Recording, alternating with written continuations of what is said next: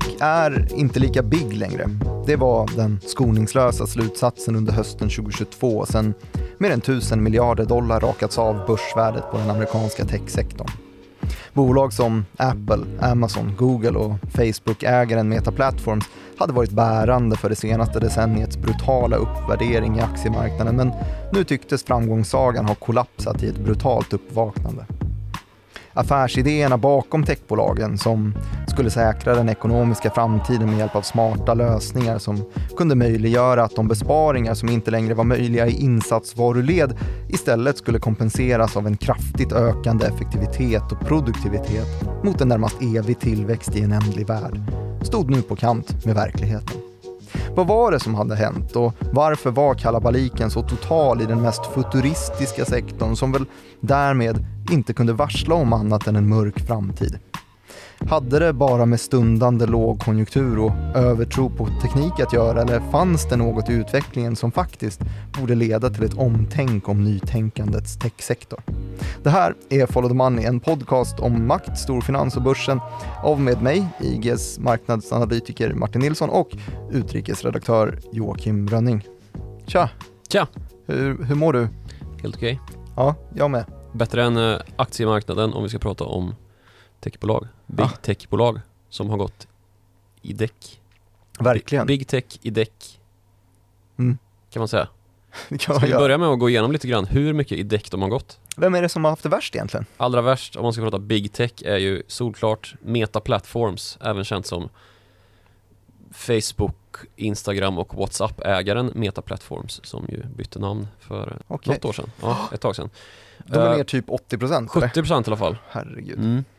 Och um, men så finns det, det börjar ju bli svårt att definiera vad som är big tech och inte nu då. Mm. För det är ganska stora bolag ändå. Men man brukar ju inte räkna typ Spotify som big tech. Det är väl bara vi svenskar som tycker Ja. att den ska... Hoppas att det ska Ja. vara det. Men de är ju inte Apple liksom. Nej. De hatar ju Apple snarare. Kommer till varför. Mm. Men eh, Spotify är alltså ner med 70%. Men eh, Daniel, Daniel. Ek eh, har ju inte koll på kursen. Han svarar väl, jaha, var det där en låg? När Mm. någon frågar om aktiekursen. Undrar varför. Ja. Ja. Om vi ska titta på de som är faktiska big tech-bolag så har vi då Apple som är minst ner i sektorn. Mhm. Bara ner 20% i år. Som index typ. Ja, typ. Kanske att de är index. Ja, det är ju världens största bolag fortfarande trots minus 20% och det har att göra med att det är en bit att vandra för de bolag som har varit störst i världen men som ju inte varit det på ganska många år nu för att man ägnat sig åt en eh, verksamhet som inte har varit lika uppskattad i marknaden, nämligen eh, energi ju. Det är ju oljebolagen som har haft nytta av det här börsåret när den utveckling som vi har sett har varit kraftigt ökade energipriser och mm, ändå har man en bra, bra bit kvar till att nå Apple såklart. Men om vi ska prata, stanna kvar då, Big Tech, Microsoft ner 30%, Mhm. Google ner 40%, Amazon ner 50%, Netflix ner 60%. Där har vi dem, uppradade. Hela hur, hur kommer det sig att vi, eh, vi säger Google om Google men vi säger Meta Platform som Facebook? Måste vi reda ut det verkligen. Ja. Ja, men eh, Facebook-ägaren eh, Meta, de äger ju också Instagram och WhatsApp och har därmed intäkter från ganska många olika ben. Men eh, Google, ja, Alphabet heter moderbolaget. De är också ägare av deras liksom, riskkapitalinvesteringar och stora satsningar i bolag som ägnar sig åt artificiell intelligens och um, även självkörande fordon. Waymo är ju ett av deras största innehav. Men stora intäktsdelen kommer ju från Google, så tycker jag man kan säga Google ändå. Ett sämre namn än Meta också. Åh, Alphabet är ett skitjobbigt namn. Ja. Google-ägaren Alphabet. Mm. Men eh, om vi ska prata riktigt, riktigt sura utvecklingar så kan vi ju gå till Snapchat-ägaren Snap, Ja. ner med 80%. Tufft. Och det här är ju en utveckling som eh, som sagt skiljer sig ganska mycket från industri och energibolag. Det är ju dessutom väldigt mycket yngre bolag. Mm. En cykliskhet som har gjort sig påmind här. Tillväxtbolag är tillväxtbolag, eh, även om de är väldigt stora. Snabbt upp, snabbt ner. Ja, precis. Kortare och intensivare levnadsbana när man är i det här fältet som är då utveckling ju. Det är inte så mycket utveckling att tala om när man utvinner jordens resurser. Där däremot vad det handlar om snabbheten i teknik och att utveckla den då. Att eh, helt enkelt få saker att snurra i den digitala verkligheten som då ska bidra till att vi får en effektivisering och produktivitetsökning på jordytan via det digitala rummet då. Mm. Mycket av värderingen ligger i de vinsterna man hoppas kunna skörda genom eh, innovationer. Ja, precis. I det då så finns det ju en enorm riskfaktor som ju är att någon kommer att köra över den affärsidé som man har grundat sin verksamhet på.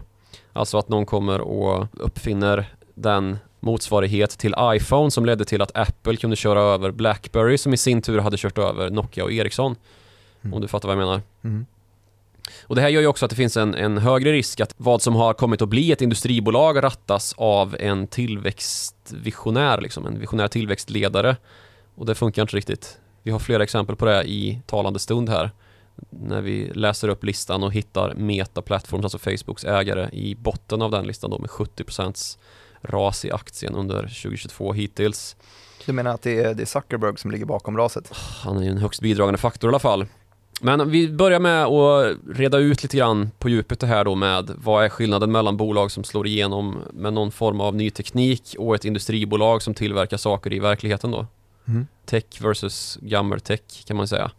Som mer eller mindre går att tillverka eller tillverka saker med oavsett hur snabb processorchip i datorer blir liksom. Mm. För det ena tar ju väldigt lång tid att skapa förändring i medan förändringar i datorkraft då kan skapa oerhört snabb förändring och förbättring på väldigt kort tid då. Vi har ju gamla Moores lag som säger att nodtätheten i chip kommer öka exponentiellt då och den lagen har man väl lite grann diskvalificerat på sistone men det är ju den som ligger bakom att vi har haft den här enorma utvecklingen där datorer som vi idag använder som miniräknare var stora som en mindre bunker. Eh, alltså storlekar som vi idag liksom får plats med på en lillfingernagel mm. eller mindre. Förändringstakten i eh, datorkraft är då kort sagt oerhört snabb och den kan skapa förändring och förbättring i en lika hög takt då. Om man tar sig tillbaka då till den, den fysiska verkligheten, alltså den fysiska världen, så kan man ju argumentera för att vi har kommit mycket närmare max i den än vad vi har gjort i den digitala verkligheten. Och att vi nu då i den fysiska verkligheten behöver den digitala världen som en turbo liksom för att få saker gjort med hjälp av maskiner då. Men ju mer vi närmar oss att skapa fysiska ting, desto krångligare blir det ju att nå liksom en kraftig effektivitetsförbättring manuellt alltså utan maskiner då, att bara stå och tillverka saker som hantverkare liksom. Så vi har ju till exempel då sett en problematisk utveckling för robotik som inte alls lett till någon sån här iRobot-verklighet, alltså boken eller kanske mest känt som Will Smith-filmen. Mm -hmm. Där vi liksom nått stora effektivitets och produktivitetsförbättringar lika snabbt som hade varit önskvärt då för att vi skulle upprätthålla den här tillväxten som på sikt måste bestå i att vi förbättrar processer snarare än att vi utvinner mer råvara för att tillgodose våra behov och skapa tillväxt liksom. Blev du också synnerligen ogolvad av Boston Dynamics filmsnutten som släpptes ut på sociala medier häromveckan? Ja, alltså Boston Dynamics då är ju, det brukar man väl säga, det mest utvecklade robotföretaget i världen som tidigare ägdes av Google. Ja, man hade ju kunnat tro att de hade kunnat skapa någonting mer än att en robot som kan hoppa över en halv meter stor låda Ja men alltså grejen är den där, det känns som att man har sett den där filmen i 15 år nu. Mm. Att det är samma film liksom. De har ju utvecklat en människoliknande robot som ska utföra olika manuella uppdrag då liksom. Och den är ju otrolig liksom i sitt utförande. Men det känns inte som att den utvecklas till att faktiskt göra någonting vettigt. Den gör lite liksom apkonster och gymnastiserar och hoppar över saker och lyfter grejer men den används ju inte. Samma sak med de här robothundarna som är ju sjukt coola som kutar omkring i Singapore och håller, håller ordning på folk så att de inte bryter utgångsförbud i covid-karantän och så vidare. Skitläskigt när de har det är ju bara läskigt. på ryggen också, de här hundarna. det är ju bara läskigt i princip. Mm. Man kan ju bara typ se att ja, men det här skulle man kanske kunna använda i krig men i alla fall så är ju grundidén då att den här tillväxten som vi inte längre kan få av att bara skövla jorden ska komma sig av då istället att vi har effektiviserat och produktivitetsmaximerat snarare än att vi bara drar ut ännu mer och smutsar ner ännu mer, släpper ut ännu mer koldioxid och på sikt liksom förstör klimatet och vår egen livsmiljö. Istället ska vi liksom få saker att tillverka saker åt oss till en jättelåg kostnad då. Mm. Alltså utan att vi betalar löner åt folk för att producera saker på ett ineffektivt sätt i fabrik och istället tillverkar och förbättrar processer genom att bidra till den tekniska utvecklingen som ju kan utgöra den här turbon då i produktionsekonomin. Och det medför att vi gör det mer effektivt och alltså kan snåla med resurser då och nå en högre avkastning och tillväxt. Men företagen är för dåliga. Ja, alltså istället så har vi ju som vi nu belyst flera avsnitt i rad använt oss av globalisering och låglöneländer vilket i förlängningen bara medfört att vi har gött den här långa raden av auktoritära skitländer och gett dem möjlighet att investera i satsningar som demonterar vår demokrati ju. Samtidigt som vänstern ropar att det är inhumant och man väl måste ge dem rätt i att de som betalar för västländernas bibehållna välfärd samtidigt som de själva står på nolltillväxt i ett decennium är de som lider i andra länder. Så vad ropar eh, högern? Eh, högern, they took our jobs. Ja, just det.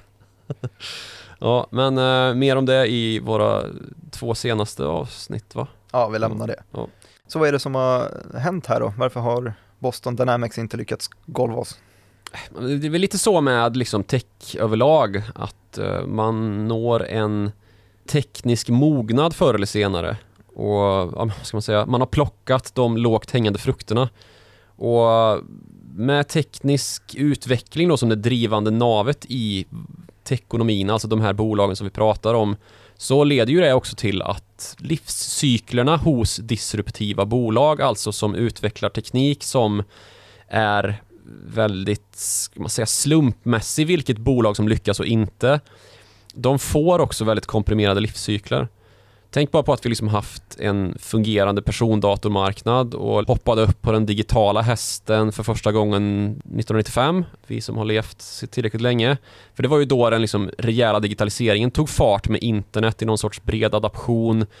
Då är det ju liksom lättare att förstå att det fortfarande finns mer lågt hängande frukt i att plocka digital utveckling och automation än det gör i att tillverka saker manuellt och för hand. Men samtidigt då att vi under den här korta tiden sedan 1995 har sett liksom många bolag födas, dominera och dö. Blackberry är ett utmärkt exempel på det.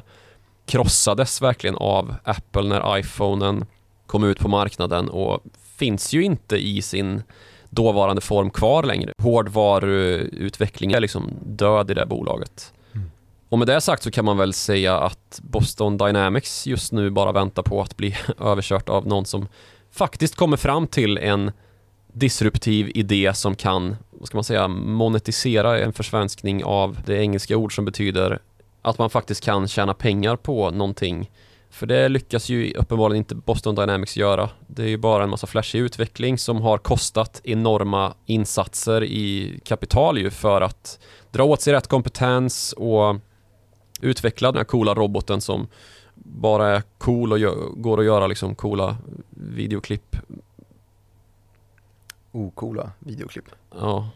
Ja. Till slut. Ja, de blir ju ocoola till slut ja. ja. Fantasin har ju definitivt sprungit ifrån den tekniska utvecklingen där. Man Ja. kan ju se framför sig vilken nytta robotar skulle kunna göra och antagligen kommer att göra men vi är inte riktigt där än bara. Nej, vi är inte i iRobot Och än. framförallt i möjligheten att tjäna pengar på någonting så förstår jag att det blivit mycket lättare om vi blickar tillbaks till 1995 som du sa här att det fanns mycket mer eh, lågt hängande frukt. Alltså det fanns effektiviseringar man kunde göra i kommunikationen mellan människor. Gå Mm. över till e-mail istället för att skicka brev. Det är ju ganska tydligt att se den effektiviseringen och förhållandevis lätt att göra den när tekniken finns. Men nu börjar vi försöka plocka de lite högre hängande frukterna och de eh, svårare. Och det är kanske det som förklarar lite, du nämnde här hur aktiekurserna hade gått på det här året, men senaste månaden så har ju ett par bolag skickat ut pressmeddelanden om eh, anställningsstopp. Där har vi Apple, Amazon, eh, vi har Twitter som har sagt upp, först var det rykten om eh, tre fjärdedelar av alla anställda Mm. och sen så kanske det har blivit 50% vi vet inte vad Elon Musk hittar på i det fallet, det är väl lite speciellt. Snapchat säger upp 20% menar de. Meta, alltså Facebook där, de säger thousands of layoffs this week. Mm. Det är kanske inte så mycket, de har väl nästan 100 000 anställda. Mm. Eh, Intel också, det är ett bolag som vi inte riktigt har nämnt men det tycker jag kan hoppa hit också. 20% ska, ska bort där. Och jag gissar väl när man gör nedskärningar att det är på teknikutvecklingen, alltså rd sidan som man brukar ta av först när man måste skära ner en verksamhet, för det är svårt att se det, det värdet materialiseras, så att man eh, Ja. vänder sig mot core. Det landar ju i liksom att det blir konsolidering av existerande verksamhet snarare än att man ska hitta på massa nya coola grejer. Mm. Och då blir ju distributionen i de här egna bolagen lidande och då öppnar ju det dörren då för att andra nystartade bolag faktiskt kan bli de här disruptiva mästarbolagen då. Och om man ska prata distribution och liksom förklara det begreppet så är ju Ford det bästa exemplet på det. Löpande bandet.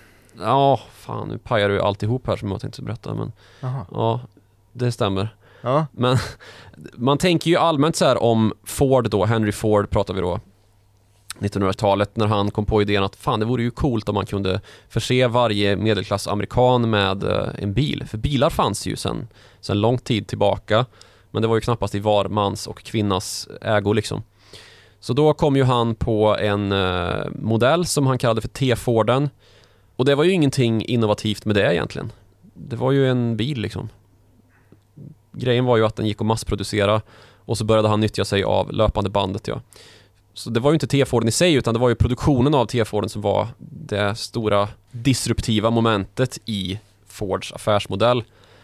Så det citat man brukar tillskriva Henry Ford om hans liksom, genialitet i att skapa T-Forden är ju kanske inte så sant som det verkar då. Och vet du vilket citat jag menar? ja, det är väl något sånt här, om du frågar folket vad de vill ha så kommer de svara en snabbare häst. Ja, precis. Att han då tyckte att eh, anledningen till att Ford blev så framgångsrikt var ju att folk plötsligt började tänka, jag kan fan äga en bil. Mm. Och det var ju inte för att han uppfann bilen utan för att han nyttjade sig av löpande bandstillverkning då som en möjliggörare. Är du golvad eller är du arg på min Ford-kunskap idag? Inget dera. Jag ska se. Tycker det är trevligt att du kan nå min förväntansbild av vad du bör kunna. Härligt, Ja. tack. Men i alla fall, om man ska sätta det i en aktuell kontext då, och, och utvärdera våra nutida framskjutna bolags framväxt och affärsidéer utifrån eh, om de är disruptiva eller inte så kan man väl säga att det finns klara skillnader då mellan hur disruptiva de Alltså Tesla brukar ju ofta kallas väldigt disruptivt och det beror ju på vad man lägger i begreppet liksom. Men det som Elon Musk gjorde med bilarna var ju att han började sönderdela hur kan man tillverka ett batteri så billigt att elbilar kan nå massmarknaden. Kommer han jämföras med Ford? Det, alltså det är ju rimligare än att till exempel Apple gör det. För Apple är ju betydligt mer innovativa än så. Alltså att man fick ut eh, smartphonen på en massmarknad, eller typ uppfann smartphonen ärligt talat. Mm. Det fanns inte så mycket smarta telefoner dessförinnan. Det, det fanns ju försök med liksom skärmar och touch. Men alltså iPhone när den kom var ju något helt annat och inte för inte så tog man ju över totalt alltså mobiltelefonmarknaden på ett litet kick och skapade en pryl som var ganska så dyr men som alla bara såg att den här måste jag ha. Och därefter så har man ju kunnat upprätthålla ett klart dyrare pris än någon annan på, på marknaden också ju. Så om man ska prata distribution så är ju iPhone ett jättebra exempel på det. Så nu när vi har gjort en dryg kvart, kanske mer, jag har dålig tidsuppfattning, ska vi dyka in i vad vi faktiskt ska prata om det här avsnittet? Ja, vad ska vi prata om? Big tech som inte är så big längre. Nej, precis. Nej, men vi kan väl prata lite grann om att det är ju mycket surr om makro, lite trött på det. Är du trött på Bara makro? så här ränteuppgångar och det är lågkonjunktur i ankommande och så. Inflation och det, Ja. det är kul. ja, visst. Men vi kan väl prata lite grann mer om människor tycker jag. Jaha, Ett avsnitt. ja, vad, vad tänkte du då? då? Jag tänker vi kan prata om liksom att eh, det finns andra typer av risker än de som finns i makromiljön och att de kan vara väldigt hårt knutna till få personer. Vad är det för risker du ser som inte det pratas om just nu?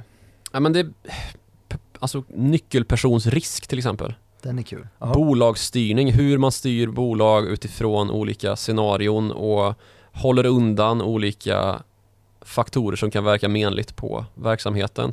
Mm. Det blir allt mer viktigt nu när då ränteuppgång har gjort att kapital har blivit mycket dyrare. Att de satsningar som man ska göra då när man konsoliderar sitt bolag måste faktiskt ta detta i akt då. Man kan inte bara strö pengar omkring sig och satsa på utveckling av saker och ting och olika funktioner som, som ska vara just revolutionerande då för den egna produkten och få den att stå ut som någonting totalt överlägset konkurrenterna liksom. Utan nu handlar det om konsolidering här ett tag framöver och när den konsolideringen ska göras så kommer det krävas starka ledare och att vi nu tyvärr kommer gå in i en epok där managementkonsulterna återigen får sitt existensberättigande tillbaka. Lean, de ska effektivisera, Ja, grattis. McKinsey, Boston Consulting Group etc. Just det. Ingen tycker om er.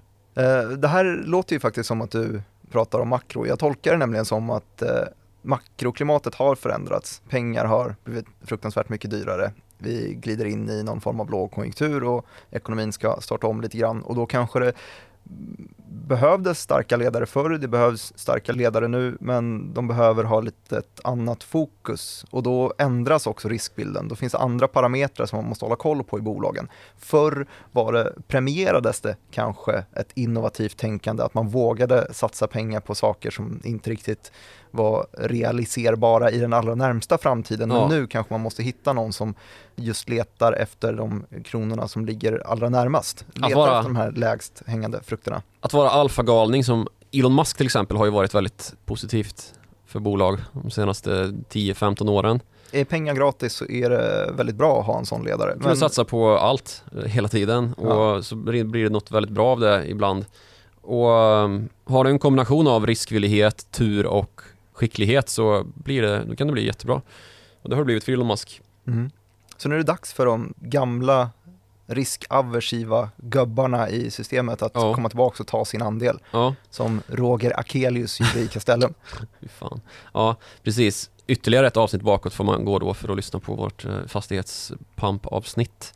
Men när det kommer till de här techisarna då, som sitter och utvecklar grejer så finns det ju en del att anmärka på i fråga om våra moderna bolag som är störst på skolgården då, alltså Mm. de som sitter i Silicon Valley. Det gör väl i och för sig inte Tesla längre med huvudkontoret i alla fall, men där techklustret ligger då. Och där har ju de här stora bolagen som ju har blivit störst i världen verkat utifrån den här innovationsdrivna tillväxten då. Om man har varit på olika platser i den här livsbanan måste man ju säga. För Apple är ju ett ganska gammalt bolag, har funnits sedan 70-talet och eh, Steve Jobs berömda garage Mm. där han satt och greja. Tiden då ett annat stort techbolag var störst. Var I- IBM alltså störst? Jag tror att IBM var allra störst, det, det var de Apple konkurrerade mot. Ja, men de var inte störst i världen. Då var det typ Exxon som var störst. Ja, absolut. Och eftersom att Apple är då ett gammalt bolag som har lyckats, gammalt och gammalt, men ja, det är äldst i den här klassen måste man ju ändå säga. Och man har utvecklats då från att vara ett explosivt tillväxtbolag under en fas i sin levnadsbana när man blev då gigantiskt. Och det under Steve Jobs så har man ju haft turen i oturen. Ska vi inte säga att det var tur att Steve Jobs dog som den innovatör och visionär han var.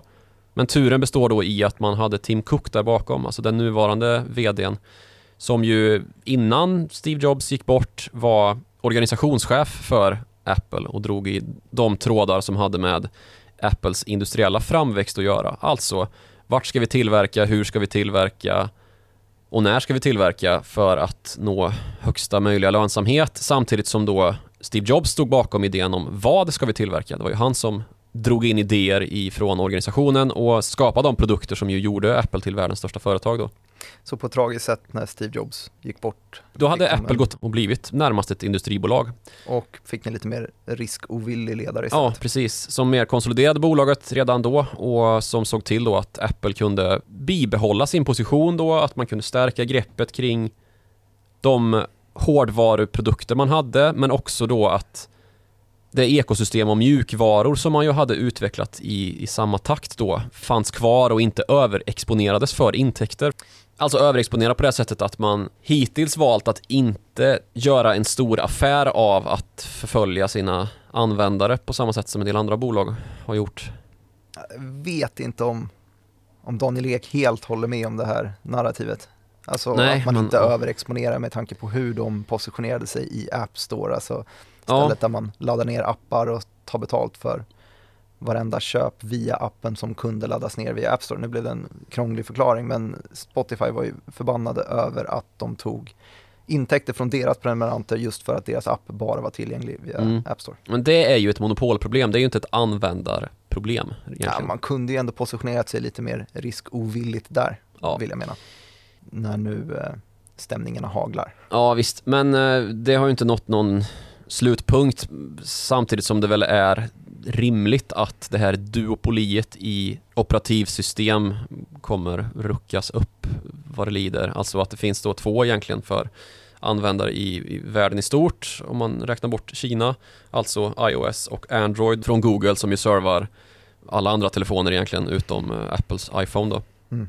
Men den här mer liksom, vad ska man säga, perversa användningen av data, användardata som man skulle kunna dra stora intäkter ifrån genom att skapa en annonsaffär då, den har man ju faktiskt inte varit öppen för att använda än. Och Tim Cook just har varit drivande i att det ska hållas stängt. Vad är det man hade kunnat göra menar du? Ja men Apple då som, som liksom den lysande stjärnan på techhimlen är ju i maktposition över såväl teknik som mjukvara och ekosystemet då, alltså hur den övriga digitala världen ska se ut egentligen genom apparna då. För om du ska lansera en app idag så måste du finnas på App Store, alltså inom iOS. iOS och App Store, det kan man ju nästan sätta ett likhetstecken mellan. Alltså själva butiken då för konsument-internet. Mm. Det gör ju att Apple, världens största bolag, har en enorm användardatamakt. Alltså att man kan styra över vad som får finnas i den digitala appbutiken överhuvudtaget. Att om det är någon som inte uppfyller kraven så ja, tack och adjö liksom. Och dessutom så har man ju makten över användardatan. Alltså man kan följa och spåra och anpassa. Och då pratar vi ju om den affär som är annons ju. Alltså reklam. Och det är förvisso en affär som tycks växa och det är väldigt mycket uppmärksamhet kring hur Apple agerar här. Och det har ju att göra med ett annat bolag som eh, vi kommer in på en liknande position som, som Apple har, det har ju också Google då som sagt, som ju dessutom har en annonsaffär i form av då sökmotorn som ju anpassar och parar ihop liksom företag som vill annonsera med användare så att det blir en skräddarsydd lösning. Och de sitter ju på ekosystemet som ju är Android då, precis som iOS, som skyddar affären och dessutom så försöker man, precis som Apple då, eh, fast i omvänd ordning kan man ju säga, diversifiera verksamheten genom att också börja tillverka hårdvara. Man har ju precis lanserat den nya Pixel-telefonen till exempel, man har tillverkat datorer och sånt här tidigare. Och så är man ju storägare inom techbolagssfären, Waymo som sagt och har olika ben att stå på. Men det är ju ett bolag som sticker ut från alla andra vad det gäller just annonsberoende, att man parar ihop annonsörer med användare. Meta. Och det, ja, det är ju det bolaget man hittar längst ner i botten av den här rankinglistan över hur dåligt det har gått i år. Alltså Facebook-ägaren Meta. För de har ju gått den allra skakigaste utvecklingen till mötes då och man har satsat helt snett på olika Dels hårdvarugrejer som inte har slagit igenom än i alla fall och på den digitala verklighetsrenderingen metaverse. Det är ju därifrån namnet kommer också, att man vill signalera vad man satsar på. Men Facebook och deras framfart har ju liksom kantats av skandaler, framförallt renommémässigt ju. Det finns få företagsledare som har spenderat så många timmar i förhör med senaten. Ja, precis. Tv-sända kongressförhör. Mm. Mark Zuckerberg sitter och ja. försöker komma undan. Ja, det finns ju många roliga memes också från när han suttit där. Att mm. han sitter och ser ut som att han dricker vatten ur ett glas för första gången till exempel. Kan man kolla upp. Mm. Roligt. Det är kul. Men Facebook eh, kom ju till börsen 2012 Mm. Och det var ju sågat av många, eh, just eftersom att man saknade hårdvaruutveckling överhuvudtaget på den tiden. Man försökte värdera det här bolaget ur fundamenta och kom fram till att det kostar ju bara pengar, det kommer ju aldrig göra någon vinst det här liksom. Och vad är meningen med att investera i ett bolag som inte har några utsikter för vinstgenerering? Utan bara ska växa användarantal och ge bort en gratis produkt ungefär. Det gjorde man ju av en anledning, just att man skulle börja spåra sina användare och använda användardatan mot användarna så att liksom de användare som tyckte att Facebook var en nice gratistjänst egentligen var produkten liksom som man sedan sålde till företag som ville annonsera mot dem då när man väl hade spårat dem och visste ungefär vad de hade för preferenser. Kommer man ihåg i början där när man skulle ange vad man hade för intressen och grejer på Facebook. Och sen så har ju det här utvecklats algoritmiskt då att man förföljs utifrån vad man skriver både i appen och eh, ja, numera äger ju Meta då som ju är Facebooks kan inte säga det en gång till. Eh, de äger ju också Instagram och WhatsApp då, så allt det här kopplas ju ihop. Allt du skriver används då som en profilmakare för att sälja dig till annonsörer helt enkelt. Just det. Så var det i alla fall fram till dess att det här med användardata började piskas upp som ett potentiellt vapen som kunde användas mot demokratin.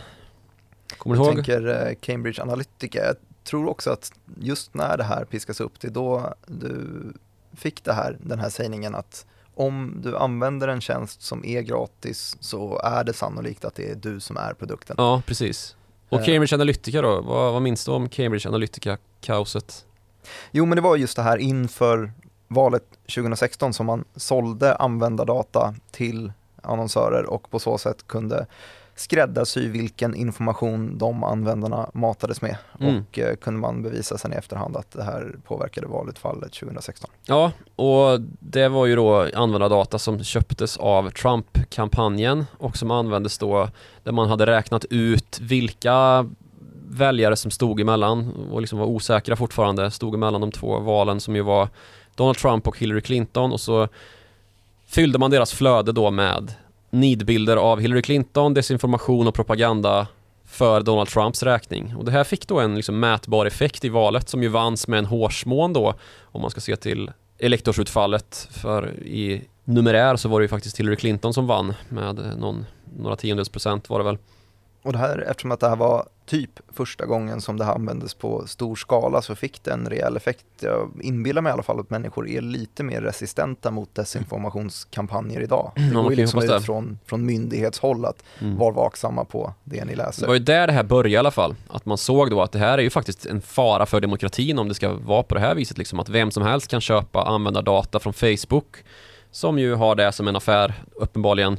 Och um, det här ledde ju till att Facebook hamnade i sina första kongressförhör ju med Mark Zuckerberg drickandes vatten. Det var det värsta fallet sen IPO då Facebooks aktie inte gick något vidare men eh, det Man hämtades pengar. ju ikapp. Ja, och nu plötsligt tjänade man pengar. Så, Alltså Facebooks aktie, sedermera Meta, har ju varit en framgångssaga, man kan inte säga något annat. Och det har ju att göra med då att man lyckades få de här algoritmerna att faktiskt fungera. Och man sålde användardata till annonsörer. Och när den här stora renomméskandalen kom då med Cambridge Analytica som sen utvidgades då med att man också hade sålt data i ett annat val som ju föll i en högst överraskande riktning, nämligen Brexit ju. Mm. Cambridge Analytica, det hörs på namnet, det är ett brittiskt eh, analysföretag. Den här skandalen gick ändå att städa upp hyfsat, även om man liksom hade på något vis befäst sig som liksom den nya tidens olje eller läkemedelsbolag, alltså big, saker med big framför sig brukar inte vara positiva. Big tobacco, big oil, big pharma och så vidare. Att big tech då började problematiseras på ett liknande vis. Men någonting som inte går att städa upp lika lätt, det är ju marknadsmättnad när man väl hade satt sig i den här positionen då, att man är beroende av annons och att ta över annonsmarknaden, för det gjorde man ju här långsamt. Kvarvarande tv och tidningsannonsering idag är ju ganska liten, särskilt i liksom det är inte mindre på tv men det är mindre budgetar som läggs dit för att det har blivit en sån stark konkurrens då från internet. Och man kan inte svälla så mycket mer åt det här hållet liksom att ta över mer reklambudgetar från, från andra medier genom att man då appellerar på annonsörer som är trötta på att mer än något annat vara liksom ett störningsmoment för tittare och användare. Alltså tv och radioreklam, det är ju bombmattor i jämförelse med prickskytte, sociala medieannonseringen som, som Meta kan tillgodose med Facebook och Instagram framförallt ju. Just det, den enda precisionen som man kunde få från tv-reklamen är ju det här den här eh, fotbolls och hockeymatcher alltid följs av reklam för Dacia Duster eller någon annan bilreklam. Bet365, Just det, de också. Medan eh, Unibet. kollar man på Bachelor så blir det istället eh, reklam för Zalando eller Boost. Eller när man kollar på Robinson så kan de precisera det till att ge reklam för Revolution Race eller andra så här friluftsmärken. Måste pausa lite där. Aha. Kollar du på Bachelor alltså? Vem hejar du på? Herregud. Nu sjönk du mina ögon igen. Men då eh, mot, eh, i, i relation till då precisionen man kan ha på sociala medier där man plötsligt får reklam för det man googlade på för en kvart sedan. Ja precis, behovet av att göra reklam utan att användaren upplever annonser som liksom störande. Mm. Det aspirerade ju Meta på att ge en lösning på, precis som Google. Och det har man ju gjort väldigt bra med skräddarsydda lösningar. Men skillnaden mellan Google och Meta är ju att Google äger sitt eget operativsystem, dels, och man äger sin egen sökmotor som inte är beroende då av att man likt Meta måste ha någon annans tillåtelse för att plocka upp den här användardatan. För Facebook-appen existerar ju i det ekosystem som är iOS, alltså App Store, och Android. Så där har vi ju en betydande svaghet i affärsmodellen som Meta nu har drabbats av. För det är i samband då med att App Store har gjort förändringar i användardata-användandet som affärsmodellen har just kraschat och man kan börja se den här tynande tillvaron för aktien. Mm. Men i alla fall så det här liksom behovet av att göra reklam utan att användare upplever annonserna, reklamen som störande. Den aspirerar ju Meta på att ge en lösning på. Precis som Google har gjort med sökmotorannonsering där man ju har blivit monopol i princip. Halvbra ändå. Det är ganska många som är störda på den då. När man har googlat på förlovningsringar i smyg eller någonting och så dyker det upp när sin käresta ska låna datorn eller Aj, aj, aj. när eh, man har apotea-reklamen när man har undersökt eventuella hemorrojder eller, eller kan jag tänka mig att folk kan ha problem med. Ja. Hur som helst, eh, det, de här sökmotoroptimerarna och eh, även Meta de är ju så bra att folk fått för sig att man blir avlyssnad genom mikrofonen ju. Att Mm. säga, om jag tänkte på det där, ja, fast du har också googlat det. Eller du har också skrivit någonting om det liksom. Så att algoritmen fångar upp det och det är inte att du har pratat om det utan det är att du har, ja, Så här eh, mythbustar du Ja, att det gör de jag faktiskt. lyssnar av De skulle kunna lyssna av, men de gör inte det. För Mar- Mark Zuckerberg har lovat under senatsförhöret att det inte är så. Nej, men det finns täckigare utredare i den här frågan än vad jag är som har konstaterat att, alltså gått igenom och mythbustat den grejen. Och um, det fanns ju någon härlig, något härligt scoop som, som gjordes om att Apple hade drabbats av att kinesiska underleverantörer monterat in riskorns stora chip som just användes av kinesiska staten för avlyssning och spårning och sånt här. Det har man också gått till botten med och kommit fram till att det där var ett exempel på så kallad Desinformation. desinformation, ja, alltså reputation, att man utnyttjade reputational risk-kategorin av angrepp. Så att, ja, jag vet inte vem det kan ha varit som någon konkurrent till en underleverantör eller en direkt konkurrent. Det känns orimligt att det skulle vara en direkt konkurrent, att typ Samsung hade prånglat ut det här, men det finns ju underleverantörer som konkurrerar med varandra också och att man helt enkelt ja, via ombud planterar en nyhet som får folk att darra på manschetten innan man köper en Apple-telefon helt enkelt. Men det här är någonting som alltså undersöktes av Apple väldigt grundligt efter att då Bloomberg News hade publicerat den nyheten. Och den är väl, Och de har ingen bias i frågan. jo det har de ju, men det här är ju då genomfört av externa granskare. Du tror inte på det här? Du tror att det finns riskorns stora chip S- i... Slå ett slag för konspirationsteoretikerna. Ja, på med, Det är många sådana som lyssnar. på med folierymdhjälmen. Du, nu när vi har eh, lagt sådär en halvtimme, 45 minuter av det här avsnittet ska vi... Vad, vad är kontentan? kommer bli ett långt avsnitt idag. Mm. Vi rör oss vidare mot att de här sökalgoritmerna då som, som både Facebook och Google har blivit så duktiga på att använda sig av, de har ju genererat enorma intäkter. Facebook har legat på en eh, marginal på typ mellan 40 och 50 procent. Och med en omsättning på nästan 90 miljarder dollar så säger det sig ju självt då att man måste ju lägga de här pengarna någonstans. Och där någonstans har ju eh, Meta kommit att snava rätt rejält. Och det har också med risk att göra i fråga om då nyckelpersonsrisk. Cirkeln sluten. Ja, Vad gör Mark. Zuckerberg med pengarna? det brukar ju heta att Facebook gick från ett studentrum till att omsluta 3 miljarder användare på typ 15 år. Mm. Eller? Ja, ens det. Och det är också liksom en tidsperiod då man har haft exakt samma studentrumskille som ägare, VD och ordförande över hela klubbet liksom. Så ja, genom ett... över 50 procent, eller hur? Ja, alltså genom ett upplägg då med A respektive B-aktier så, så äger Mark Zuckerberg 57 procent av rösterna i Meta och således kan han ju bestämma över det här bolaget som en diktator. Mm. Och det är trots att han bara äger typ 13% av bolagets totala aktiestock. Så han äger alltså aktier som har en högre röstandel berättigad till sig då. Så när han började göra ett genialt beslut om att närma sig tokstora investeringar i någonting som kallas för metaverse då så kunde ingen stoppa honom. Uh, och det här är någonting som alltså nu har kostat 650 miljarder dollar i börsvärde ungefär. Mm. För det här metaverse-upplägget är ju ett skämt alltså. Har du sett det? Jag har sett det. Det ser ut som Habbo Hotel. Vad är det? ja, det skapades innan Facebook fanns. Ja, jag tycker det ser ut som uh, Second Life. Carl Bildts satsning. Ja, hans satsning var det inte, men han han uh, lyfte ju fram det som något sorts stort, häftigt uh, framtidens internet. Och det var liksom 2000 tidigt 2000-tal, tidigt 00-tal.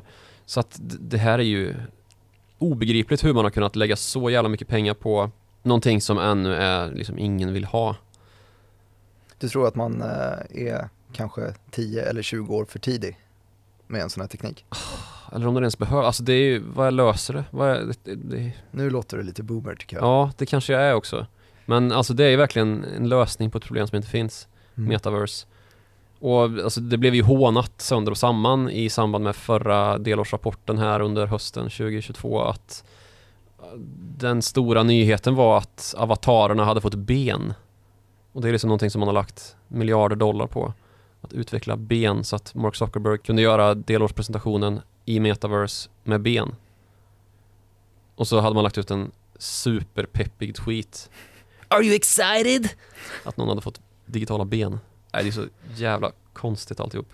Mm. Och sen så kvarstår ju faktum då att Meta är det bolaget i big tech-sammanhanget som är klart mest beroende av annonsförsäljning. Genom att Meta då liksom genom sitt användaravtal på typ 3 miljoner sidor som ingen läser men bara klickar accept när man skapar sitt konto. Mm. Skaffat sig tillåtelse då att spionera och följa, förfölja användarna så ingående att man kan utforma de här annonserna som får bättre genomslag hos användarna än något annat.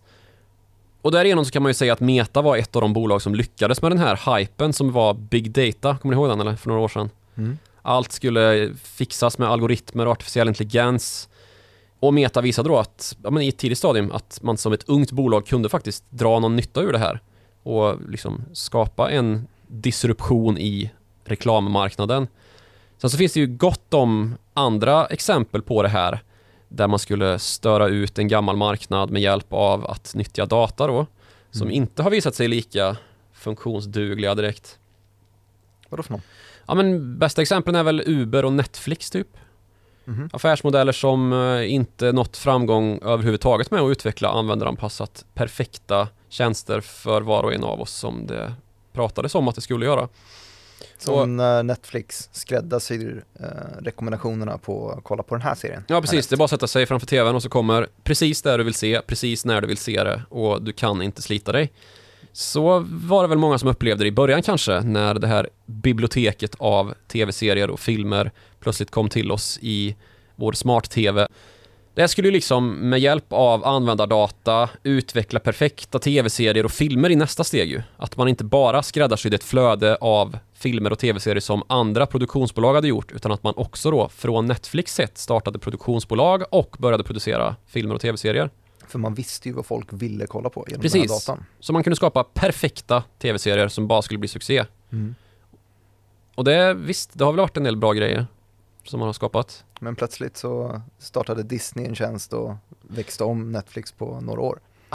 Ja, fast först och främst, det, ja det stämmer, men det jag vill prata om först är ju hur mycket skit man har skapat på Netflix också. Att det här algoritmanvändandet och användardata skördandet inte bara har genererat en massa bra tv-serier. Det finns ju gott om kalkoner alltså. Mm. Jättedyra satsningar som man har gjort som ingen tittar på och som har liksom 2,9 på IMDB. Mm. Skala mellan 1 och 10 där. Ja, jag tycker att man har lagt ner nästan mer tid på att scrolla Ja, och välja filmer idag än vad det var förr. det är sjukt. Och efter ett tag så ger man upp och så testar man HBO och så ger man upp och sen så är klockan för mycket och så går man och lägger sig. Ja, precis. Som när man stod i videoaffären när man var tonåring. Trevligt va? Man kom därifrån utan någon film för att man bara hade bråkat i två och en halv timme om vad man ville se. Ja, du kom inte överens med dina syskon. Det, det, har, det kanske har med mig att göra som person. Ja. Ja men sen Spotify har ju liknande användardataidéer och skapar flöden och skräddarsy för användare. Uber skulle liksom störa ut taximarknaden från början, börja leverera mat genom att då koppla ihop med hjälp av en användaralgoritm och eh, liksom få förare och passagerare och på ett optimalt sätt kunna, alltså, ja. Det är ju inget särskilt revolutionerande med det och visst man har varit en, ett störningsmoment för taxibranschen som heter duga. Men det har ju verkligen inte blivit någon succé. Man har ju inte redovisat vinst än liksom. Och det finns väl inga planer på att göra det heller. Men vad som blev avgörande för Meta då, som ju är de som har lyckats med det här egentligen och störa ut en, en etablerad marknad med mycket pengar i sig. Det är ju då att man varit så beroende av någon annans tillstånd för att få skörda användardata. Och det tillståndet har ju Apple och Google suttit på. Och nu har Apple framförallt gjort en stor förändring i användarvillkor då. För under våren 2021 så bestämmer sig Apple för att det ska inte längre vara tillåtet att spåra användarna på det här sättet som Meta, Facebook har gjort utan att man får deras uttryckliga tillåtelse för det. Alltså det räcker inte med att man har godkänt ja, men allt i användaravtalet som man accepterade när man signade upp utan man måste i operativsystemet också godkänna att Meta förföljer dig. Och det är det ingen som vill, typ. Så här kommer ju annonsaffärer att krascha på rad och först ut var väl Snapchats ägarbolag Snap för de hade ju riktigt tunga rapporter här efter. Och som sagt så är det ju Snap som har gått i däck allra hårdast, de är ner 80% i år då. Så Facebook och Snap möttes av samma vägg av text som man får när man försöker signa upp på deras tjänster. Och bara Ja. klickade next mot Apple. Kan man säga. Och vips så kunde de inte tjäna pengar. Nej, för plötsligt så var det mycket svårare att liksom skapa de här skräddarsydda annonserna. Affärsmodellen har kraschat samtidigt som man pumpar in miljarder i den här erbarmliga metaverse-satsningen. Och kör med VR som framtidens disruption då, vilket ju har varit den kommande dis- disruptionen i typ, ja, inte tio år men snart tio år i alla fall. Men de börjar ju bli rätt coola ändå. Oculus, eller? Hittills har det ju varit en flopp av gigantiska över proportioner. metaverse i alla fall. Ja, men det hör väl ihop eller? Ja, kanske det gör. Ja, jag tror det. Men det liknar ju allt väsentligt fortfarande Second Life som lanserades för 20 år sedan. Typ. Har du testat ett VR-headset någon gång? Ja, men ja, jag var inte så imponerad. Det var ganska länge sedan ska tilläggas. Och det var något sånt skräckspel som, det var ju läskigt men så jävla läskigt var det inte. Mm. Alltså att man hörde. Sen som, ja, Jag var ute i, i Bromma för ett tag sedan och var på VR Experience. ja. Jag tror inte det var Oculus headsets, men det var VR-headset i alla fall. Oculus får du förklara vad det är för något. Oculus är väl det Facebook-ägda varumärket som utformar Ja, deras Deras satsning hjälm. inom hårdvara där de försöker bli Apple som Exakt. ska ja, i omvänd ordning lägga band på sig och eh, inte bara satsa på extremt riskabla upplägg där man är beroende av andra storbolag för att kunna tjäna några pengar överhuvudtaget. Mm. Genom då att bli ett mer industriartat bolag som kanske kan sträcka ut sin levnadsbana lite grann innan man blir disrupterad. Ja, alltså utstörd från marknaden för att någon kommer på en bättre utvecklad idé och eh, kör över en. Just det. Och det har man ju börjat se nu. Ja. Har du talat om TikTok? Jag har hört talas om ByteDance ägda TikTok. Ja, som inte börsnoterat än, men ett kinesiskt bolag som ju med sin algoritm har kört över Facebooks algoritm. Facebook har ju blivit de gamlas sociala medium nu. Just det. Insta Reels poppade aldrig riktigt lika inte hårt. riktigt, nej. Insta Reels som då också går ut på att göra korta klipp. Mm. Eh, ja, det är väl typ så långt jag har kommit. Jag har inte ens Instagram-appen jag. Och ingen VR-headset. Nej. Vad gör du då?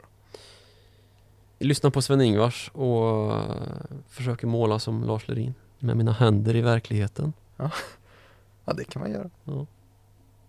Vad är det värmlänning? Ja.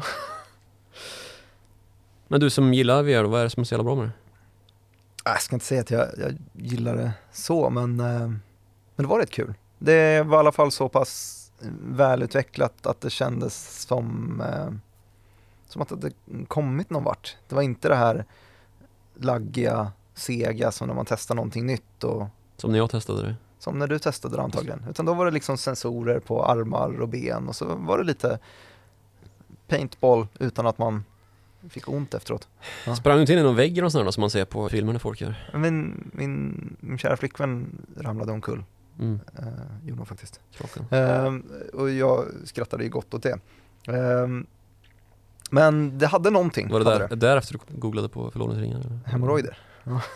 Ehm, och eh, nej men det hade någonting, jag hade det. Eh, och det är kanske inte applikationen metaverse som det ska användas till, men det fanns en underhållningsfaktor i det hela som gjorde att jag kände att kommer dagens barn sätta sig framför en PC och använda mus och tangentbord för att spela Counter-Strike eller kommer de gravitera mot att kanske göra det i VR-format istället. Det känns lite mer, lite, lite samma typ av intuition som när man började använda pekskärmen på en iPhone eller iPad och kände att ja, men det här är ju väldigt mycket intuitivare att använda än att använda mus och tangentbord till Men köper någonting. folk det här då? Alltså, jag... Ja, jag har ju inte köpt det heller, så jag ska säga det.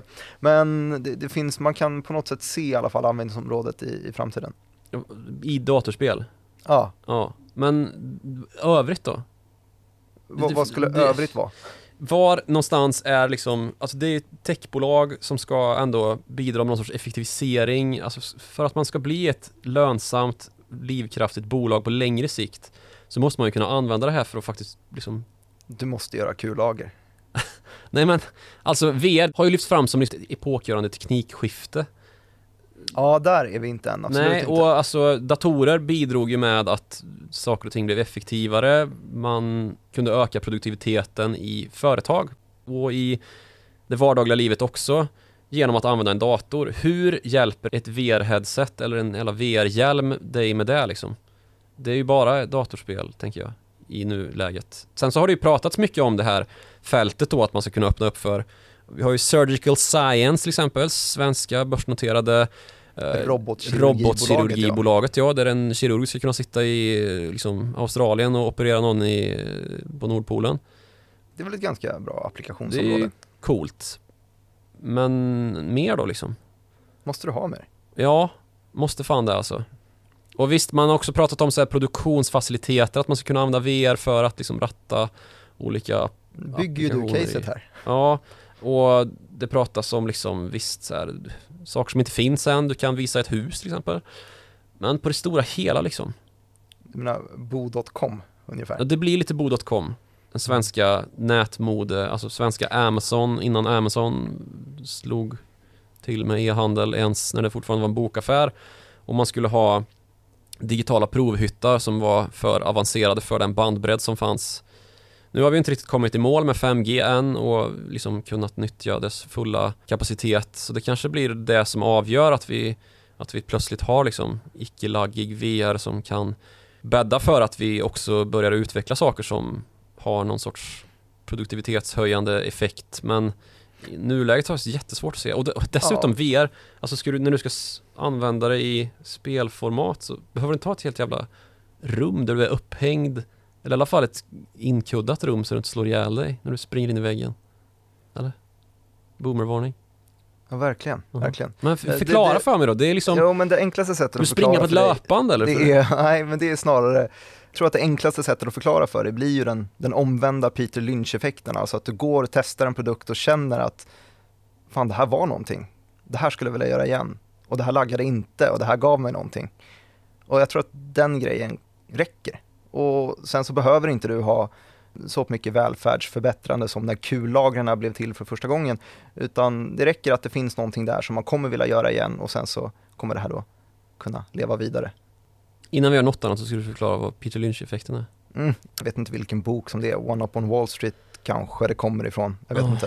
Eh, när han i praktiken är ute och spanar på produkten Mm. eh, och ser om, om det är någonting. Och sen köper aktien, eller inte. Ja, exakt. Man går till H&M och kollar hur många är det faktiskt som är i butiken just nu och handlar under mellandagsrean eller vad det nu Mm. kan vara. Och så tar man ett investeringsbeslut därifrån. Och den omvända effekten är då när du får en, en positiv del av det hela. Mm. Eh, som när du åker till ett VR-center och blir golvad av någonting.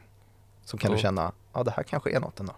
Och du sitter och propagerar för VR här utan att ha Ja, köpt det, jag kan nog råkat att hamna i en lite mer antagonistisk ställning än vad jag egentligen håller i grunden just för att du hade Du försöker bara sitta och, och käbbla emot här. Ja, Ja, som sig bör. ja. Jag kan dig det här. VR är väl kanske snäppet över metaverse i fråga om att vara den bästa lösningen på ett problem som ingen har. Ja, vi möts där. Men på tal om att testa saker och kanske investera i dem. Tror du Peter Lynch eh, hade investerat i Twitter idag? Om man för första gången hade gett sig ut på Twitter och det fortfarande hade varit börsnoterat? Nej, inte en chans. Varför inte det? Vad är deras teknologiska innovation? Nej, precis. Det är därför vi inte har pratat om Twitter än. Utan att det är det vi gör nu, Mm. tänkte jag. Vad är din spaning här? Min spaning här är att Twitter just nu har den största nyckelpersonsrisken. Vi skulle prata lite om risk här och människor ju. Som finns i hela börsvärlden just nu. Och det är alltså efter att eh, Kanye West har eh, kapat ett gäng miljarder dollar från ett gäng börsnoterade bolag genom sina antisemitiska utlägg som har gjort att Adidas och Gap och några andra bolag har fått skära av sina samarbetsband med hans märke Yeezy som ju har sålt skor för flera miljarder. Mm. Han är instabil. För den vi ska prata om nu är ju också, vad ska man säga, alfa instabil. han är ju en grej av hur volatil han är i sitt beslutsfattande. Eh, och då pratar vi naturligtvis om entreprenörskungen Elon Musk, världens rikaste man, Teslas SpaceX VD som eh, numera också är VD för Twitter som han nyss har köpt upp för 44 miljarder dollar i den konstigaste affär som typ någonsin har gjorts. För det är ju inte ett bolag som är värt 44 miljarder dollar och han försökte ju backa ur den här affären men sen typ gjorde han det bästa av det och bara ja, ja jag är väl körd och så var han tvungen att köpa det. För medan alla andra techbolag, om vi nu sätter Twitter i den delen, är ner, ofta mer än index, Mm. bara Apple som håller sig kring index, så är Twitter väl upp för ja, året. det är det ju. Eh, mm, jämfört med vad han då köpte ut den för, för 44 miljarder dollar var det så. Ja, 44 miljarder dollar till, Det är alltså högre än vad den handlades kring årsskiftet. ja, aktiekurs 5420. Eh, Knarkskämt.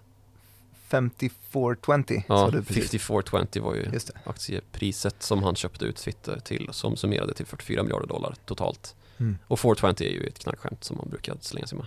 Mm. Han skulle ju, Köpa ut Tesla på 69. nej, 420.69. 420. 420,69. Var det så? Nej, ja, nej. Inget 69? Nej. Så. Däremot så har han ju sänkt priser på Tesla Model S en gång till 69 420 dollars. Mm. Så det var ju dubbel, dubbel skoj. Mm. Varför är 69 skoj förresten? Kan vi inte avslöja den här podcasten? Nej. Det är för snuskigt. I alla fall, det här blir ju ett eh, förvirrande avsnitt i sig. Och det är kanske passande då när vi ska avsluta med att prata om Twitter lite grann. Mhm. För det måste man göra när man pratar om techbolag idag. För det här är ju totalt snurrigt. Uh, virvlande förvirring av yttrandefrihetsabsolutism som har då införts av Elon Musk nu när han har tagit över Twitter då Mhm. till syvende och sist. Och det finns ju en knepig skärningspunkt där, där man låter yttrandefrihet gå in absurdum. Mm. För det här är också ett bolag som är beroende av annonser. Och när man tillåter vilket raseri och vansinne som helst flöda genom den här mikrobloggen så blir ju det en miljö där ingen annonsör vill finnas. Det går ju inte. Man vill inte förknippas med det som existerar där. Det blir ju 4chan liksom, eller 8chan till slut. Som ju är som en riktigt grisig version av Flashback kan man säga i amerikanskt format. Mm. Och det här såg vi ju ganska snabbt prov på när Elon Musk hade tagit nycklarna till huvudkontoret och det var ju egentligen bara en upprepning av hur det såg ut i Twitters barndom det här. Ett flöde med liksom total yttrandefrihet, det är ju i princip icke monetiserbart. Alltså går inte att tjäna pengar på. För det är för kontroversiellt för bolag av idag. Det är väl i sig en, en, en paradox att man kan köpa sig Ja, utrymme på ett ställe där det ska vara perfekt yttrandefrihet. det är med. Men dessutom bolag som är liksom i en woke-kultur om man så ska säga. Även om det är väl i sig kontroversiellt så är det i alla fall så att man aktar sig idag som bolag för att vara kontroversiell med eh, vissa typer av åsikter. Och det här är också anledningen till att diskussioner eller spekulationer i alla fall som fanns då i Twitters barndom om att Google eller Yahoo var på väg att köpa upp Twitter ju inte materialiserades. Och nu då efter att Elon Musk har hissat yttrandefrihetsabsolutismens fana igen så har ju också flera stora annonsörer flytt fältet här, i alla fall för en eh, inledande tid för att se vad som händer då egentligen här. För det här har ju som sagt varit kaosartat de här första veckorna. Ett mångfaldsråd bestående av eh, olika kompetenser då som ska sköta kontroversiella modereringsfrågor på Twitter såsom om en president som manar till våld mot kongressen ska stängas av och i så fall hur länge har inte kunnat fortsätta på grund av då att man har sparkat så himla många människor och under den här inledande tiden så har ju ingen eh, i princip mer än de som är operativt viktiga för att appen överhuvudtaget ska fungera varit tillåtna att, att jobba. Och när då annonsörerna har börjat fly, eller i alla fall pausa annonsköpen, då måste man ju kompensera för det här intäktsbortfallet för att överhuvudtaget kunna betala räkningar och löner till de kvarvarande anställda. Och vad gör man då då? Då eh, skapar man en prenumerationstjänst. Precis, och för att göra det så går man via den eh, funktion man har för att vissa konton är verifierade. De har ett litet blått eh, checkmärke Ja, precis. namnet. Den ska plötsligt börja kosta 8 dollar i månaden enligt Elon Musk då. Mm. Och då får man ju också bort det problem som man har omtalat så mycket i den här affären när Elon Musk sparkade bakut och hävdar att Twitter har farit med osanning. Man har så himla mycket mer bottar i plattformen än vad man har gett sken av. Det var en riktig käpphäst i Elon Musks försök att dra sig tillbaka från affären. Han menade att eh, många användare var fake. Ja, fake, som används för att sprida olika typer av dynga. Mm. göra reklam och sånt. Inte sällan för ljusskygga grejer som pornografi, kryptovalutor av olika slag och pyramidspel och sådana där goa grejer. Mm. Och tanken då med att verifierade konton ska få betala 8 dollar i månaden är ju då att de som driftar de här bot-arméerna inte kommer ha råd att regga en armé fake-konton och betala för det liksom. Finns kanske de som kan göra det och ser att det är lönsamt nog att hålla på men rimligtvis så blir ju problemet mindre i alla fall. Just det, för just nu så har det varit helt gratis att befinna sig på Twitter. Ja, Och med den här verifieringen så kommer man premieras i flödet. ja precis dessutom då. Slutligen så kommer bara verifierade talare synas. Det är det man tänker sig. Det, det blir ju lite, ännu en paradox kanske mot yttrandefriheten. Kan man säga. Att det blir bara de Dels det, men också då att det finns ett problem med liksom, hur ska man motivera för vanliga användare som inte betalat 8 dollar i månaden att plötsligt börja betala 8 dollar i månaden för att få den här blå verifieringsmärkningen som många dessutom redan har, alltså professionella användare eller offentliga personer som ju kanske behöver ha en verifiering då, som är politiker eller jobbar som journalist eller Just det, för det har blivit lite av en hygienstämpel eftersom ja, att det finns att så många finns mycket fake-konton. som- fake-konton som försöker härma. Ja. Mm. Det, det, ju, det här blir ju väldigt svårlöst då eftersom att ingen vill plötsligt börja betala för någonting som alltid har varit gratis. Det här är någonting som gäller inte minst inom media, vilket vi fått känna på i mediebranschen under en lång tid då mediehusen försökte ställa om från gratis affärsmodell som var finansierad av annonser med hjälp av då att ta betalt för prenumerationer. Den här diskussionen minns vi ju att eh, läsarna plötsligt slog bakut då när de tidningsartiklar som man hade läst gratis på Svenska Dagbladet, Dagens Nyheter och så vidare plötsligt skulle börja kosta pengar. Så det tog ju flera år innan folk liksom mjuknat och den digitala omställningskrisen som rådde inom tidningsmediet var över liksom. Så Twitters, eller snarare kanske Elon Musks lösning på det här då är ju att premiera, som du sa, de betalande för verifiering så att de och deras inlägg rankas upp. Så det här blir liksom en funktion som trimmar vissa användares inlägg och rankar dem för högre synlighet än andras. kan man ju fråga sig om det är yttrandefrihetsabsolutism, som sagt. Och dessutom så har det ju rests en del frågetecken såsom vem ska kontrollera så att inga obehöriga köper sig synlighet och sprider desinformation då på samma sätt som bottar kan göra det. Att det här problemet med bottar kanske bara blir större om man skrider till verket.